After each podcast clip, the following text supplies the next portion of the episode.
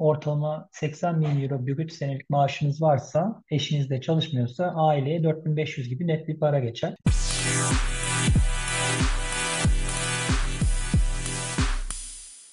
Merhaba, ben Uygar Boynu Delik. Kurul düzenimiz olmasa hayatımız nasıl olurdu? Bu sorunun cevabını merak edenlerin ilgisini çekeceğini düşündüğüm podcast serime hoş geldiniz. Bu seride mikrofonu 3 farklı gruba uzatacağım. Almanya'ya son dönemde taşınan yeni nesil göçmenlere, burada doğup büyüyen kültürel paydaşlarımıza ve Türkiye'den kanatlarını buçmayı düşünen göçmen ruhlara. Her salı yeni bir konuk ve hikayesiyle mikrofon başında olacağız. Bekleriz efendim. Hoş geldiniz sevgili dinleyenler. Yine bir bölümle karşınızdayız. Ben bu bölümün adını e, Başucu Podcast'i koydum. Neden Başucu Podcast'i? Çünkü özellikle bugünkü konumdan alacağınız bilgileri ara ara sık sık açıp açıp dinlemeniz gerekebilir. Çünkü çok kıymetli bilgiler, çok işinize yarayacak böyle hap gibi e, bilgiler edineceksiniz. E, biliyorum biraz beklentiyi yükselttim ama lütfen benimle kalın. Özellikle iki tane grubu hedef alan bir podcast kaydı olacak bu. Birinci grup Almanya'dan bir iş teklifi almış sözleşmeyi imzalamış ve çok aktif olarak Almanya'ya taşınma işleriyle meşgul olan bir grup. İkinci bir grupta bunu son günlerde gittikçe daha fazla düşünen, e, aktif olarak iş başvuruları yapan ama elle tutulur henüz somut bir iş teklifi almamış olan e, bir kitle e, de ikinci büyük hedef olacak bu podcast için. Şimdi isterseniz daha da fazla zaman kaybetmeden gerçekten çok dolu bir ajandamız var. Çok iyi bir hazırlık yaptık. Hızlıca bir başlangıç yapalım. E, Yiğit hoş geldin.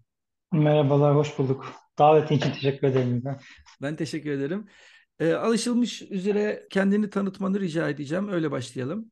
Şöyle söyleyeyim, 39 yaşındayım. Doğma büyüme İstanbul. Bir eş ve bir kız babasıyım. Makine mühendisiyim. 17 yıldır da otomotiv sektöründe özellikle motor tasarım ve geliştirme alanında çalışıyorum. Kısaca bu şekilde özetleyebilirim kendime.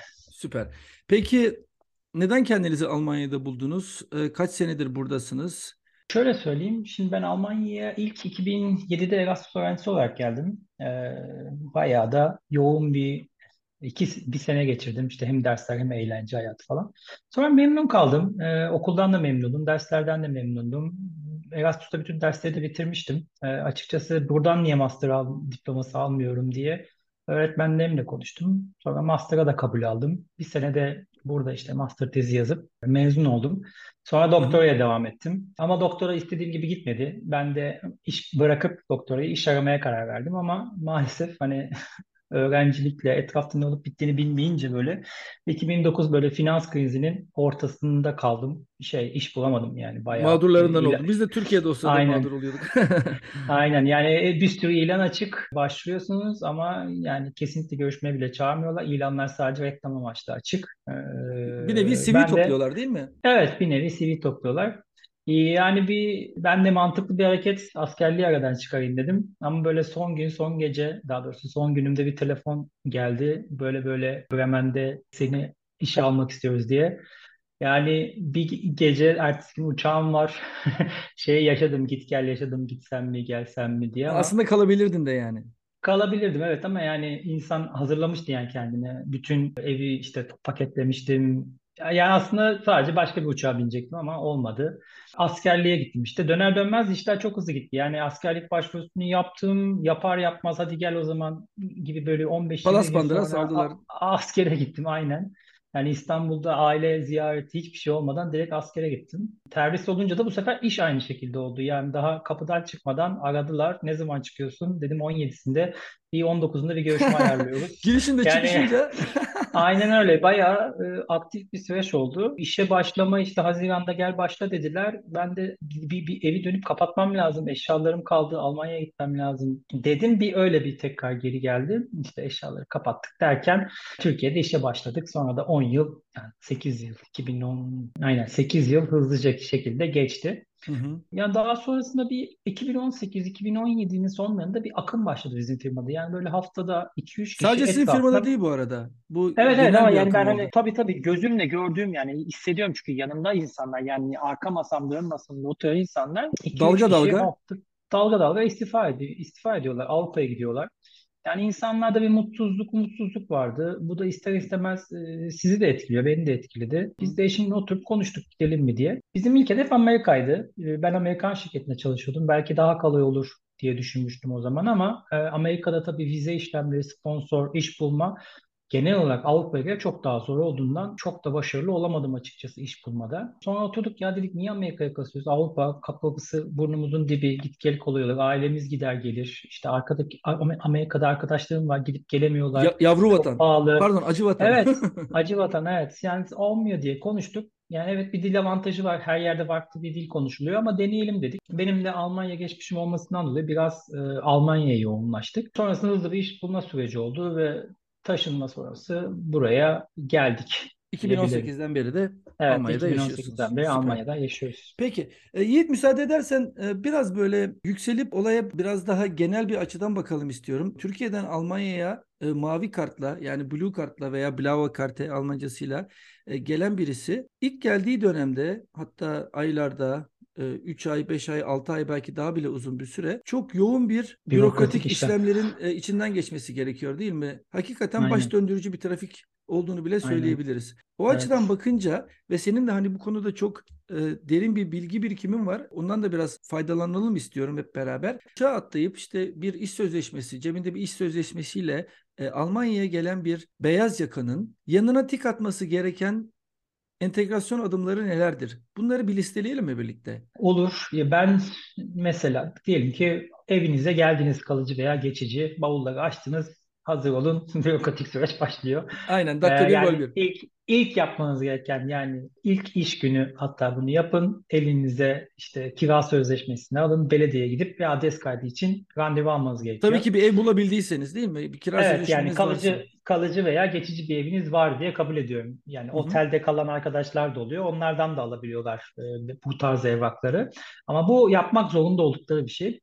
E, işte sonrasında bağlı olduğunuz konsolosluğa işte Münih'te Münih Başkonsolosluğu var ama başka şehirlerde yaşıyorsanız bağlı olduğunuz konsolosluklar var. Belediyeden aldığınız işte kayıt ikametgah kağıdını gönderip e, mail de atabiliyorsunuz veya postayla gönderebiliyorsunuz. Biz yurt dışına taşındık. Bizim adresimizi değiştirin Türkiye'de diye. Hı hı. Akabinde işte sizden şirket işe gelmeden önce veya ilk bir ay içerisinde yani maaşınız yatmadan önce sizden bir sigorta numarası isteyecek. İşte hı hı. herkes bu nedir bu nedir of, diye of. soruyor.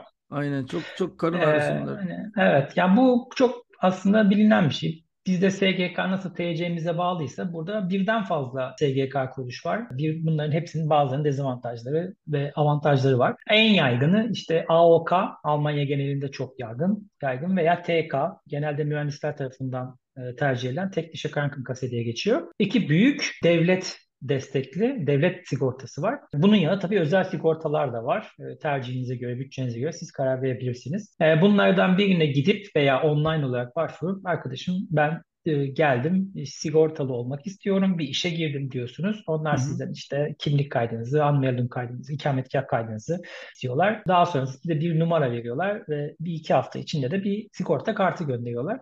Bu Hı-hı. kartı Doktora gittiğinizde yanınızda taşıyorsunuz. Doktor sizin sigortalı olduğunuzu bu kartla anlıyor ve masrafları sigorta şirketine e, gönderiyor. Hı. E, numarayı da şirkete veriyorsunuz. E, şirkette sizin adınıza her ay e, Bayern'de yanlış hatırlamıyorsam aylık yüzde 1.6 gibi bir maliyeti şeye yatırıyor. Sigorta şirketine yatırıyor. Daha sonrasında unmailed yaptırdığınızda artık yani devlet sizin adresinizi bildikten sonra eve bir sürü kağıt geliyor. Ya yani ilk birkaç ay posta kutunuz sürekli dolu oluyor. Aynen öyle. Önce bizim Ben mektup gelmediği zaman şaşırıyordum hatta yani öyle akşam geldiğimde bakıyordum.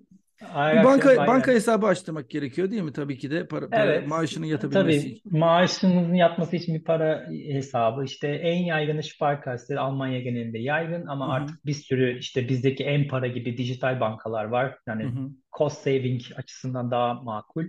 Ee, herhangi birine işte ikametgahınızı, pasaport fotoğrafınızı ve oturma izninizi gönderiyorsunuz. Size banka hesabı açıyorlar. Bunu yine şirkete veriyorsunuz. Sonra Kindergeld Kindergeld başvurusu yapılması gerekiyor. Devletin çocuk Aynen başına öyle. ödediği 2023'ten itibaren 250 euroya yükseltilen e, bir evet. E, para var. E, bunu her ay çocuk başına 250 euro devlet yatırıyor verdiğiniz hesaba Hı.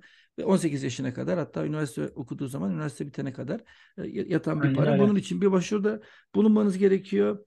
Ondan sonra e, tabii ki bir ev arama süreci var. E, onu hallettiğinizi düşünüyorum. Sonra ehliyetin convert edilme işlemi var. E, onun için gene yapmanız gereken. Biraz hızlı hızlı geçiyorum buraları Hı hı çünkü hı. yani bunun detaylarına girersek çıkamayız. E, Aynen. onun dışında e, e, bir araba almak isterseniz kindergarten, aynen başvurusu yapmanız gerekiyor. kindergarten veya ilkokula kayıt veya ortaokula kayıt artık çocuğunuz nerede okuyacaksa. Aynen. Ee, onun için ilgili e, size bağlı e, okulları bulup onlarla görüşmek gerekiyor. Büyük sınıflara gelen yani ilkokul 1 ve üstüne gelen çocukların yabancı dil eğitim kurslarına devletin gönderdiği veya okulun gönderdiği kurslara gitmesi gerekiyor. Hı hı. Senin dediğin gibi işte sürücü kursu kayıtları. Çünkü ilk 6 ay ehliyetiniz geçerli ama e, Hı hı. özellikle randevular çok uzun e, ileri tarihi verildiği için Hı hı. sürücü kaydını da atlamazdım ben. Aynen. Eve girince ev sahibi sizden su ve elektrik üstünüze almayabilir. Onlar açık kolay yani online bilgisayar başında da 10 dakikada yapılacak şeyler. E, ama bence yani bitmez. Uzayıp giden bir liste. Aynen. Belki Bir de belki altına bir to-do list ekleyebiliriz Aynen, istersen. aynen bak çok iyi söyledi. Show notes olarak bir şeyler e, yazalım çünkü diğer konulara da geçmek istiyorum. E, zamanı da e, doğru planlamak açısından. Belki de şunu son olarak ekleyelim bu aşamalara. Belki de en önemlilerinden bir tanesi. İlk buraya gelindiği zaman D tipi vizenizin geçerliliği. Ben geldiğim zaman sanıyorum 4 aylık bir vizeyle gelmiştim. Ve bu 4 ay içerisinde de bir vizeni uzatman yani daha doğrusu mavi e, kart vizesine başvurman gerekiyordu.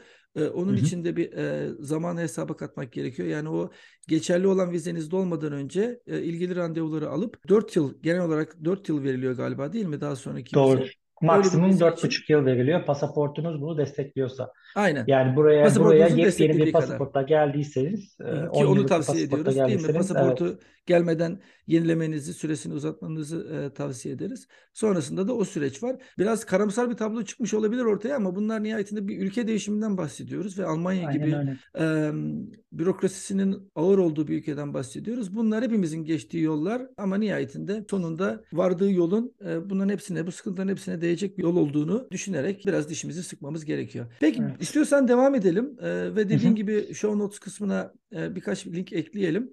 E, Blue Card nedir? E, biraz bundan bahseder misin? Blue Card ya da Mavi Kart Avrupa Birliği ülkelerinde nitelikli olarak adlandırılan yani üniversitelerden mezun e, nitelikli çalışanların buralarda az olmasından dolayı Avrupa Birliği dış ülkelerden yani Avrupa, Avrupa Birliği olmayan ülkelerden e, göç alımını kolaylaştıran bir oturum izni. Ne avantajı var? Mesela siz Türkiye'de Akkredit'te bir üniversiteden mezunsunuz ve buradaki bir şirketten teklif aldınız. Eğer bu teklif yıllık brüt 56.400'dü galiba şu an. Fazla ise oturum izni türü olarak mavi karta başvurmaya hak kazanıyorsunuz. Hı Normal hı. iz- oturum iznine göre daha kolay alınıyor. Daha az belge isteniyor. Hı Mesela hı. Almanca bilme şartı aranmıyor. Çünkü şirket zaten sizin Almanca bilmediğinizi biliyor. Mesela sizinle İngilizce çalışacak. O yüzden herhangi bir A1, A2 veya B1, B2 Almanca istem. Hı Tek hı. dezavantajı benim gördüğüm kanuni olarak bir yıl e, hatta iki yıla çıktığını söyleyenler de var ama hiç e, bununla ilgili bir yazı görmedim internette. Hı hı. Anlaştığınız şirkette çalışmanız gerekiyor. Hı hı. Ama bu Bir demek nevi değildir vefa ki iş borcunu ödemeniz Evet bekleniyor. ama evet ama bu demek değildir ki iş değiştiremezsiniz ya da işten çıkarıldınız hadi eyvallah Türkiye'ye gidiyorsunuz gibi bir şey yok. Sizden istenen ilk bir yılda herhangi bir iş durumunuzda değişiklik varsa bunu yabancılar dairesine bildirmeniz. Bunun dışında hiçbir bağlayıcılığı yok. İşten çıkarılmanız durumunda da e, iş aramanız için size 3 aylık bir süre tanınıyor. 3 ay sonunda e, iş bulamazsanız mavi kartın oturumu otomatik olarak iptal Hı ediliyor. hı. E, Ama tek istisnai de durumlarda uzatılabilirdi diye Evet yani istisnai durumlarda uzatıldığını da duydum. Yani Ya ekstra dünyanın sonu isteyenlere da de olmaz. verildiğini duydum.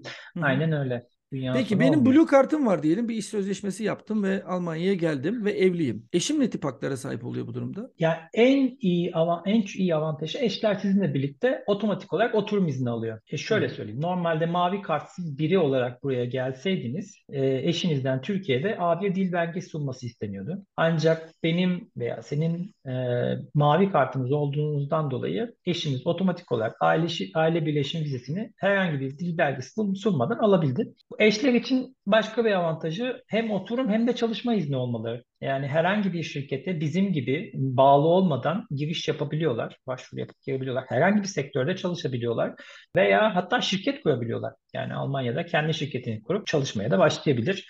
Hı hı. Eğer öyle bir e, çalışma ortamı varsa. Mavi kart sahibi kişilerin, eşlerin iş bulma ihtimali o yüzden daha yüksek oluyor açıkçası hı. diğerlerine göre. Büyük bir avantaj Büyük bir avantaj evet. söyleyebiliriz. Avantajlarından başka bir tanesi de ki benim için oldukça cazip olan e, bir kısımdı bu. Blue Card sahibinin kalıcı oturum alması yani Almanya'da İngilizce ifadesiyle permanent residency dediğimiz hakkı alması da oldukça avantajlı oluyor değil mi diğer Avrupa ülkelerine göre? Evet. Ben de Almancasını söyleyeyim. Niederlassungsverlag.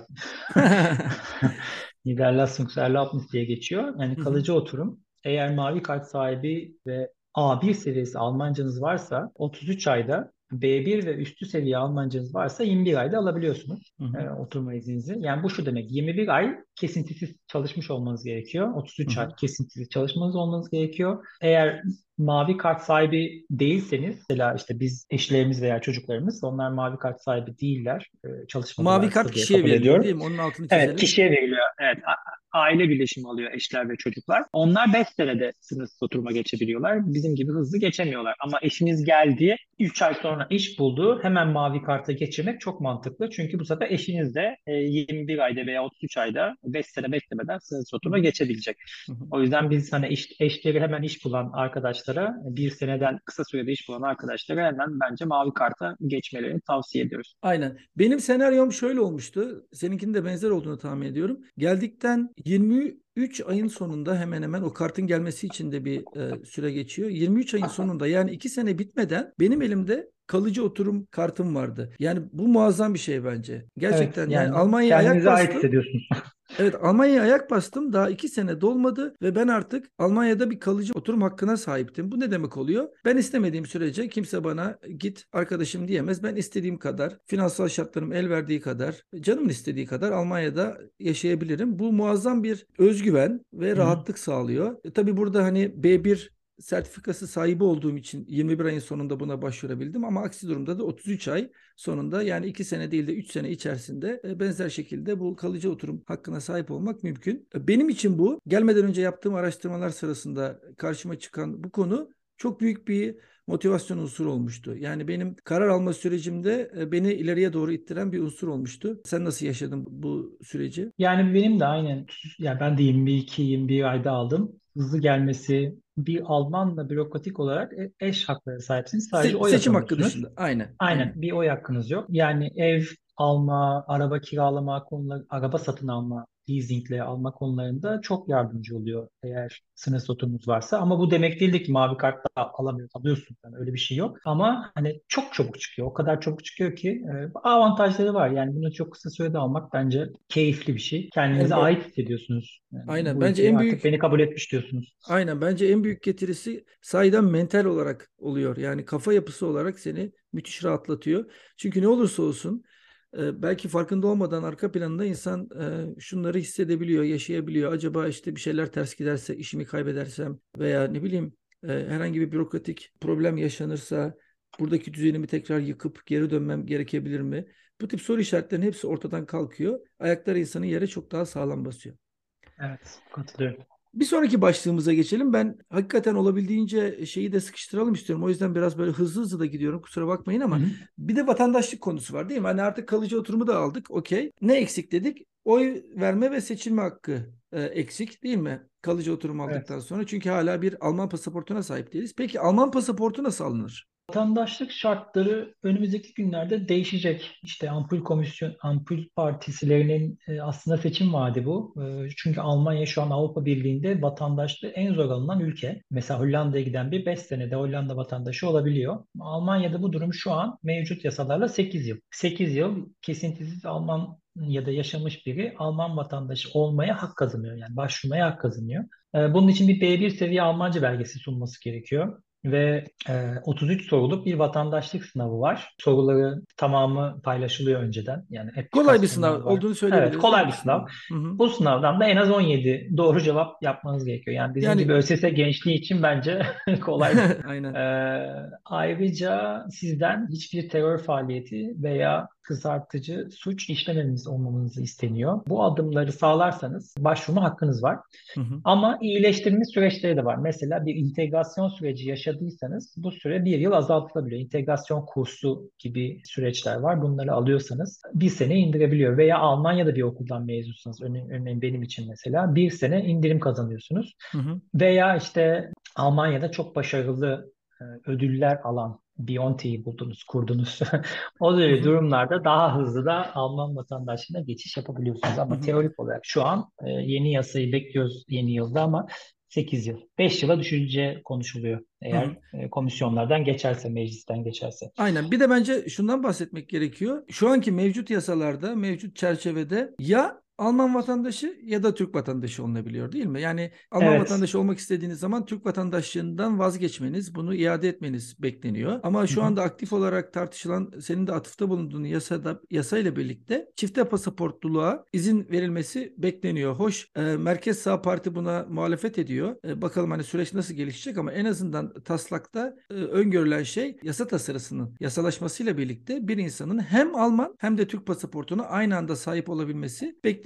Biz de e, sabırsızlıkla tabii bunun e, çıkmasını, resmileşmesini bekliyoruz. Yani burada bir dipnot vereyim. E, Türkiye gibi birkaç ülke var sadece bu haktan yararlanamayan. Hı Yani hı. Avrupa Amerika'da da öyle galiba değil mi? e, bir çok bilgim yok. Yanlış Benim bir. Amerika'da oturan e, bir Alman e, öğretmenim var. Hani Almanca e, conversation öğretmenim. E, onlar da benzer şeyden şikayet ediyorlar. Çünkü ya Amerikan pasaportun olabiliyormuş Hı ya hı. da Alman pasaportun. Yani ikisini birden aynı anda sahip olamıyormuşsun. Anladım. Sanıyorum bunun gibi birkaç ülke var ama burada bir e, daha adaletli bir yaklaşım bekleniyor, umuluyor. Bakalım biz de sabırsızlıkla bekliyoruz. evet. Peki bir sonraki başlığımıza geçiyorum. Ehliyet konusu dipsiz bir kuyu ama bununla ilgili gene e, birkaç dakikada neler paylaşabilirsin? Yani bir insanın Türkiye'de ehliyeti olan bir insanın Almanya'ya geldiği zaman bunu convert etmesi gerekiyor. İşte umschreiben deniyor Almanca'da. Bu nasıl bir hı. süreç ve nasıl işliyor? Evet, e, yani burada sıfırdan ehliyet almak inanılmaz pahalı bir süreç. Daha önceden Türkiye'de ehliyetiniz yoksa işte teorik derslere katılım zorunluluğu var. E, sonrasında teorik bir sınav. Akabinde işte pratik derslere katılım zorunluluğu ve pratik bir sınav. Ya yanılmıyorsam e, tek seferde hani iki sınavı da tek seferde geçtiğinizi düşünürsem 3500 gibi bir parayı gözden çıkarmak gerekiyor. Ama Türkiye'de bir ehliyetiniz var. E, araç kullandınız veya kullanmadınız önemli değil. E, ilk geldiğinizde 6 ay boyunca burada araba kullanabiliyorsunuz. Ama sonrasında ehliyetinizi Avrupa Birliği standart ehliyetine çevirmeniz gerekiyor. Peki ben şeytan avukatlığını yapacağım müsaadenle. evet. E, Ben 6 ay geçti ama hala kullanmaya devam ediyorum. Ne olur? Yani polis yakalarsa ehliyetsiz araba kullanma cezasına çarptırırsın. Bunun hapise kadar giden bir cezai süreci olabiliyor. Hı Para cezası ve hapis cezasına Tavsiye etmiyoruz yani. Yani tavsiye etmiyoruz. Ben Yani polis yapmadım şahsen. Ben kontrolleri 6. ayım eh, dolduğu günden itibaren ehliyetimi alana kadar bir 3 ay daha hiç araba hı kullanmadım mesela. Evet, Herkese de ben bunu de tavsiye ediyorum. Kullanmadım, bekledim ehliyetimi. Çünkü bir çuval inciri Yani berbat edebilirsiniz. aynen Yani öyle. hayatta Ya alınabilecek riskler var, vatandaşlık alınmayacak riskler var. va- vatandaşlık hakkınıza kadar gider bu. Diyelim ki işte 6 ay araba kullandınız ama sonrasında ehliyetinizi çevirmeniz gerekiyor. Hmm, Hali hazırda bir ehliyetiniz olduğu için bir avantajınız var. O da teorik derslerden muafsınız. Bu bayağı bir cost saving demek. Bence 1000, 1500 euro gibi bir para azalıyor. Sadece tek zorluğu Münih için başka yerlerde bu kadar zor değil ama sizi kendinizi kabul edecek bir ehliyet kursu bulmanız gerekiyor. Yani az önce senin de dediğin gibi Umschreibung yapmanız gerekiyor. Ehliyeti yenilemek istediğinizi söylüyorsunuz. Sizi kabul eden ehliyet kursu, sürücü kursu sizin adınıza bir teorik sınav tarihi alıyor belediyeden. Siz evraklarınızı teslim ediyorsunuz. Basit bir sınav. Yani bir soru havuzu var. Ben İçinden basit olduğunu söyleyemeyeceğim kusura bakma. ya Burada şöyle en azından en azından hani Türkçe de girebiliyorsunuz. Öyle Evet, söyleyeyim. Hani evet. Almanca, İngilizce, Türkçe gibi seçenekleri var. Ama binin Ee, üzerinde bir soru var değil mi? Evet binin üzerinde soru var. Buradan işte seçili kaç soruydu? 20 miydi hatırlamıyorum 30 ama muydu? 30'du galiba. Galiba. Ee, 30 bir teste tanesi yani bir giriyorsunuz. havuz soru Evet. havuzu binden fazla sorunun olduğu bir soru havuzu var ve buradan rastgele 30 soru sınavda karşınıza çıkıyor. Tabii ki o Evet. soruları yalayıp yuttuysanız binden fazla soruyu hepsini doğru yapıp çıkıyorsunuz ama o yalayıp yutma süreci de bir emek gerektiriyor. Evet yani ben bir ay hazırlandığımı hatırlıyorum. Ee, Benimki de hemen hemen öyleydi. Ben işe giderken S-Bahn'da, trende her sabah e, onları çalıştığımı hatırlıyorum. Evet aynı aynı durumdayız yani elimde telefon Aynen. çalışıyordum. App'leri var değil Ee, mi? evet evet. Şimdi testi geçtiniz. Ee, bu sınavı geçtikten sonra bu sefer pratik sınav süreci başlıyor. Ee, benim önerim ne kadar iyi araba kullanıyor olursanız olun 2-3 saatlik bir sürüş eğitimi almak. Yani zaten sürücü kursları da bunu öneriyor. Ama zorunlu değil. Gerçi sürücü kursları bu durumda sizden para kazanamadığı için biraz sınav süreçlerinizi zora sokabilir. Yani yapar, yapar demiyorum, olabilir diyorum. Bu da yeniden sınav ücreti ve yeniden teorik ders almak demek. Ee, ayrıca işte yeni sınav için de tekrar randevu almak demek. Yani süreciniz hani 200-300 lira vermeyeceğim diye 2-3 ay sarkabilir.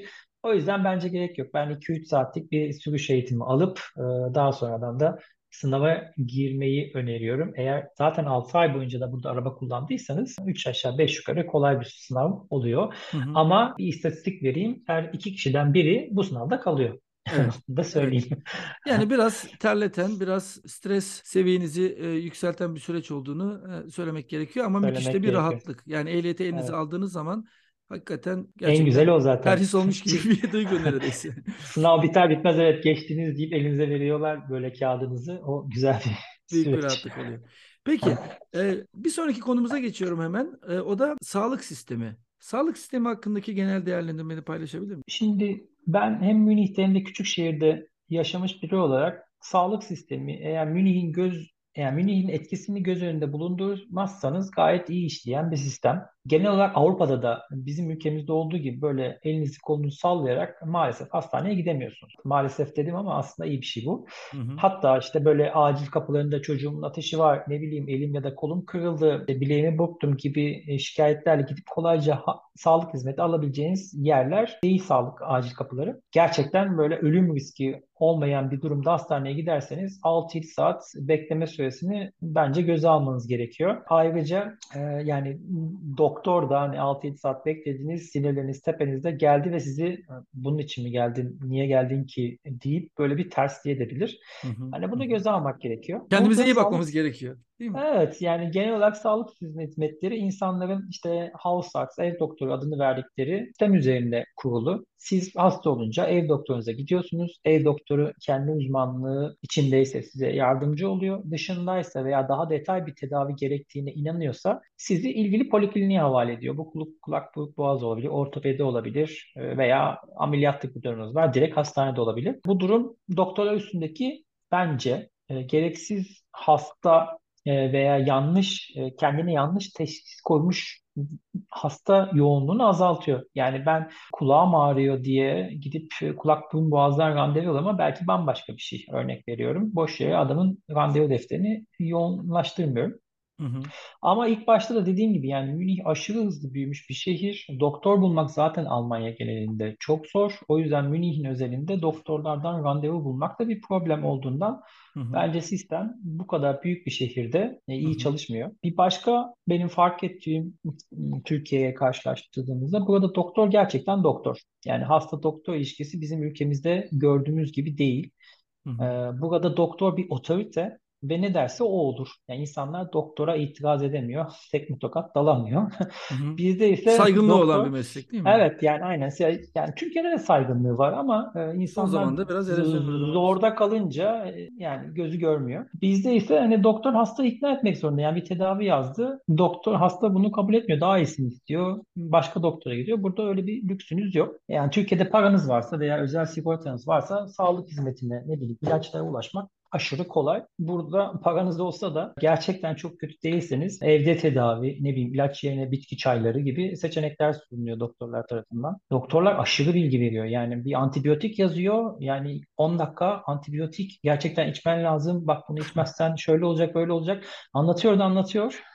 yani bizdeki gibi al reçeten bu. Hadi git bir sonraki hasta yani gelsin. insana değer bir veriliyor. yok. Ya insana değer verilmiyor demek istemiyorum ben Türkiye'de. Ben şuna inanıyorum. Türkiye'de doktor yoğunluğu çok fazla. Yani evet, e, evet, çok ağır özel SG evet. 300 şart 300 hastaya bakıyorlar ortalama. Burada bu sayı 100 civarında. Evet. E, ama o tabii ki insanların doktora gitmeme alışkanlığının olmasından dolayı. Yani grip oldum diye doktora gitmiyor insanlar bizdeki gibi. O da var. Yani biz ben hastane koridorlarında çay günü yapan teyzeler biliyorum. Canı sıkılan yani, doktora gidiyor değil mi? Evet aynen Özellikle öyle. yazın yaz aylarında çok düşüyormuş doktor ziyaretleri çünkü insanların yapacak başka şeyler oluyor değil mi? Ee, mesela. E, Yiğit müsaade yani... edersen hiç hız kesmeden e, belki de en heyecanlı, en kritik konulardan bir tanesine geçmek istiyorum. O da Aman para pul konusu. ee, yani e, nihayetinde belki de buraya gelmeyi düşünen veya aktif olarak artık hazırlıklarını devam eden insanların kafalarını en fazla meşgul eden konulardan bir tanesi de işte bu para iyi bir para mıdır? Bu parayla yaşanır mı? Nasıl bir yaşam standardım olur? Türkiye'yi arar mıyım? Ve bunun gibi birçok e, bunun etrafında dönen konu. O yüzden istiyorsan şöyle başlayalım. Biz öncesinde tabii ki seninle de bir fikir teatisi yaptık. E, bir verilerimizi birbirimizle karşılaştırdık. İlk sorum şu olacak. Çocuklu bir ailenin bir veya iki çok radikal farklar olmuyor ama çocuklu bir ailenin e, kusura bakmayın bekar dinleyicilerimizi biraz çemberin dışında tutuyoruz ama onlar en kötü senaryo olarak çocuklu bir ailenin aylık ortalama mutfak masrafı ne seviyede olur? İlk önce bunu soracağım. Hı hı. Ya bu biraz beslenme alışkanlıklarınızla alakalı ama ben kendimden örnek vereyim. Bence mutfak masrafı tek çocuklu bir aile için e, Hı hı. ne bileyim haftada bir balık yiyorsunuz. İşte biyo süt, biyo yumurta, biyo sebze meyve aldığınızı düşünüyorum. 800 ila e, 1000 euro civarını bulabilir. Hı hı. Örnek vereyim. Mesela hani insanların kafasında olsun. Kıymanın, kıymanın kilosu 10-12 euro. Levreğin kilosu bir kilo levrek yaklaşık iki tane balık gibi düşünürsek 12 euro. Hamsi 8 euro. Ne bileyim süt bir buçuk Bir buçuğa euro. çıktı değil mi? Bir buçuğa Aynen. çıktı evet. Biz ilk geldiğimiz zamanlar biyo, bir civarıydı. Hı hı. Biyo alırsanız bir buçuk euro. Ne bileyim Hı onlu yumurta biyo alırsanız 4 euro ama normal alırsanız iki buçuk euro. Yani biraz sizin alışkanlıklarınızla alakalı. Mesela Hı hı. normal sütte 1 euro civarında. Ama hani mutfak masrafı işte ne bileyim işte temizlik giderleri de dahil işte çamaşır, deterjan, şu bu 800 ila 1000 euro diye düşünebiliriz. Eğer hı. böyle e, biyo e, yoğunluğunda beslenmeyi göze alıyorsanız. Bunların dışında tabii ki en önemli gider kalemlerinden bir tanesi de kira gideri. Onunla da ilgili hani indikatif olması açısından Türkiye'dekinin aksine Almanya'da genelde hep metrekare başına e, birim fiyatlar konuşuluyor. Çünkü herkesin metrekare ihtiyacı farklı. Kimisi 80 metrekare evde yaşıyor, kimisi 100 metrekare, kimisi daha küçük.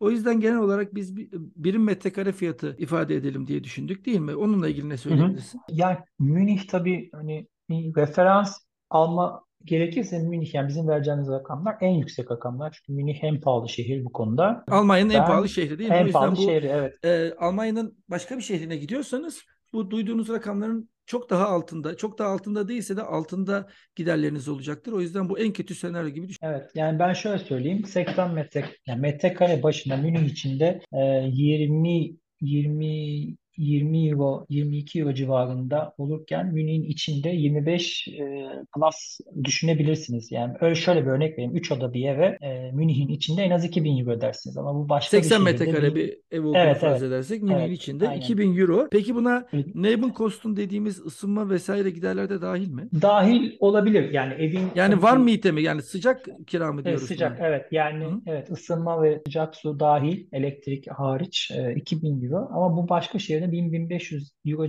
seviyelerinde olabilir. Özellikle Doğu Almanya'da değil mi? Evet Doğu Almanya'da veya kuzeyde aynen Aynen. Şimdi o halde gene çok kaba taslak hatlarıyla işte 25 metrekare Münih'in içinde 20 metrekare biraz daha Münih'in dışına çıktığınızda dedik. İşte orada 2000 olmaz da 1500-1600 olur. Bunları alt alta topladığımız zaman kaba taslak işte 1000 euro temizlik giderleri işte bulaşık giderleri Mutfak. vesaire mutfak giderlerinin hepsini dahil ettiğimizde 1000 euroya kadar bir mutfak giderleri diyoruz. 2000 euro da konaklama ile ilgili kira ile ilgili ısınma vesaire de dahil olduğu zaman toplamda 3000 euroya oluyor. Yani bu şu mu demek oluyor? Eğer benim elime ayda 3000 eurodan az bir para geçiyor ise benim buradaki hayat standardım e, neredeyse karın tokluğuna Zor. karın Evet tokluğuna yaşıyor olurum değil mi? doğrudur. Yani Münih için 3000 euronun altında insanların geçinmesi çok zor. Evet. Tek gelirli bir ailede. Aynen. Peki bu 3000 euro net brüt olarak kaça karşılık geliyor? O hesabı nasıl yapabiliriz? Veya tam tersi istiyorsan diğer taraftan gidelim. İşte ortalama e, 80 bin euro civarında brüt yıllık geliri olan bir tek çalışanlı bir ailenin eline aylık ne kadar geçer? Oradan e, diğer taraftan ulaşmaya çalışalım. Eğer çocuk yoksa tek yani ortalama 80 bin euro brüt senelik maaşınız varsa eşiniz de çalışmıyorsa aileye 4500 gibi net bir para geçer. Hı hı. Ee, çocuk varsa Ocak'tan itibaren çocuk başına da aylık 250 euro para alacaksınız. Hı hı. Ee, 4750 euro diye düş- düşünebiliriz yani tek çocuk için. Yani Münih şartlarında normal bir yaşantınız olur Hı hı. açıkçası. Peki bunun Türkiye'deki karşılığı nasıl olur? Yani bu neye karşılık geliyor Türkiye'deki yaşam standardı olarak? Yani Türkiye'de işte Yani bir beyaz yaka iyi bir şirkette çalışan bir beyaz yakanın yaşam standardına y- yakın diyebilir miyiz? e, tek gelirliyse evet. Hı hı. Çift gelirliyse değil ama tek gelirliyse yani bir tık daha yüksek olabilir. Yani Avrupa'da tatil yapabilirsiniz muhtemelen. Türkiye'den Avrupa'da tatil yapmak bence giderek zorlaşan bir konu. Hı hı. Ama senede iki kez bence bu gelirle Avrupa'da tatil yapabilirsiniz diye düşünüyorum. Hı. Hı hı. Yani tekrar özetleyecek olursak dedik ki tek çocuklu bir aile ve tek tek kişi çalışıyor evde e, kadın veya erkek ve 80 bin euro yıllık brüt geliri var. Bu durumda aylık ortalama eline 4500 euro gibi bir para geçiyor ve çocuk başına da 250 euro üzerine ekleniyor. Yani iki çocuklu bir ailede 5000 euroya e, ulaşıyor bu aylık gelir ve bunun zaten 3000 euroya yakını geldiği gibi gidiyor. Yani hemen hemen neredeyse. Geriye de 2000 euro kalıyor ve bu 2000 euro da bence kaliteli bir hayat, refah bir hayatı yaşamak için. Yani aslında bu konuda çok keskin ifadeler de kullanmak istemiyorum. Çünkü herkesin tabii ki tabii, beklentisi, yaşam standartı farklı. farklı. Ama bunun aşağısında bir tutarın yani 80 bin euronun aşağısında bir tutarın Münih için no-go olduğunu söyleyebiliriz değil mi? Yani şunu söylemek belki rahatlatabilir. Mesela ana okullarına bir para ödemiyorsunuz eğer devletin desteklediği e, yani özel demek istemiyorum çünkü bütün anaokulları özel ama yani devletin desteklediği anaokullarına gidiyorsanız sadece yemek parası ödüyorsunuz. O da aylık 90 euro gibi para oluyor. Ama devletin desteklemediği özel anaokullarına gidiyorsanız orada tabii 500-600 euro gibi bir parayı gözden çıkarmak gerekiyor aylık. Hı hı. İlkokulların bedava olduğunu söylemek lazım. Ve evet. okullar nereden Bence o büyük bir cost saving. Evet. Türkiye'deki e, özel okullarla yani Türkiye'de aynen yani Türkiye'de beyaz yakalı olup işte herhangi bir X okuluna senede 100 bin 120 bin lira veriyorsanız aslında hani yaşam standınız bayağı aşağı düşüyor.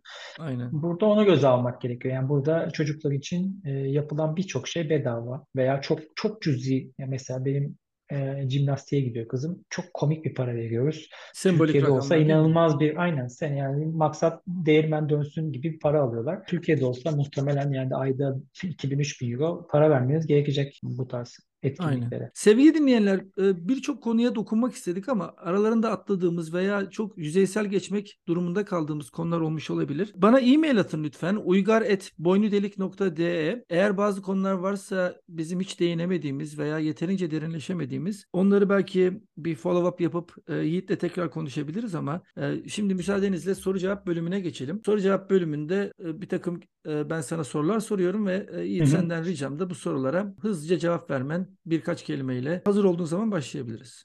Tamamdır. Heyecanlı bir durum. Çünkü ne geleceğini bilmiyorsun değil mi? Bilmiyorum nereden evet, gelecek. Ben de bazen düşünüyorum acaba bu sorular bana sorulsa ne cevap veririm diye. Ben de bir bazen böyle bir kal geldiği oluyor. bakalım bakalım ama eğlenceli. Eğlenceli olduğunu söyleyebilirim. Başlıyoruz. Tamam. İlk sorum standart Almanya. İkinci vatan. Süper. Almanca. Ben çok zorlanmadım. Alman. Sözde disiplin ama arka planda fırsat buldukça partici. Almanya'nın geleceği. Şu an biraz karanlık, sisli, puslu. Almanya'da Türkiye'nin en çok nokta noktasını özlüyorum. Arkadaşlarımı özlüyorum. Türkiye'ye gittiğimde Almanya'nın en çok nokta noktasını özlüyorum. Evimi, bahçeleri, parkları özlüyorum. Türkiye'de beni en çok nokta nokta nokta rahatsız ediyordu. Kalabalık, gürültü, insanların sürekli bağış, çağrış, kavga içinde olması. Almanya'da beni en çok nokta nokta rahatsız ediyor. Herkesin kendi işine bak üslubu beni rahatsız ediyor. Türkiye. Sıcak Akdeniz, yemekler. İstanbul. Eğlence, arkadaş, aile benim için. Türkçe. Ana dil, kendini ifade özgürlüğü. Türkiye'nin geleceği. Şu an karanlık. Ee, inşallah bir güneş doğar.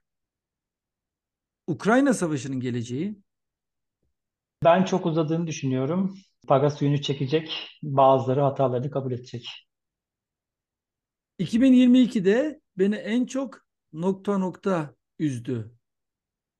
Savaş maalesef en çok savaş üzdü. Ve son İnsanların sorum göç etme zorluğu. 2023'ten en büyük beklentim. Ee, güzel hava, mutlu insanlar, ee, savaşın bitmiş olması en büyük temennim. Şimdilik bu şekilde. Çok güzel. Ve böylece e, bu kaydımızın da bu bölümümüzün de sonuna geliyoruz. Bu bir onboarding seti idi bence. E, ben adını öyle koyuyorum. Gerçekten bir şirkete girdiğiniz zaman size bir onboarding seti veriyorlar. Bu da Almanya'ya gelenler için bir onboarding seti şeklinde oldu. Dediğim gibi atladığımız konular olursa lütfen benimle temasa geçin. Hı hı. Yiğit çok teşekkür ederim. Bu engin bilgini, perspektifini, tecrübeni bizlerle paylaştığın için Şüphesiz ki Yani bunu böyle tekrar tekrar dinleyen, bak işte o öyle değilmiş de böyleymiş diyen insanlar olacaktır. Bu anlamda biz de e, Türkiye'deki dostlarımıza veya buraya yeni gelmiş olan dostlarımıza bu şekilde belki dokunmuş oluruz. Çok hoşnut oldum ben e, seninle bu kaydı gerçekleştirmiş olmaktan. Ayağına sağlık, ben, ben de teşekkür sağlık. ederim. Çok çok keyifliydi. Hem vaktin için hem uğraşın için. Sana da ayrıca teşekkür ederim. Önceki kayıtlarını da dinledim. Çok keyifliydi. İnşallah bizim kayıtta zevkli olmuştur diye düşünüyorum. Şüphesiz, e, hiçbir şüphem yok. Evet sevgili dinleyenler, bir bölümümüzün daha sonuna geldik. Hoşça kalın, esen kalın. Güle güle.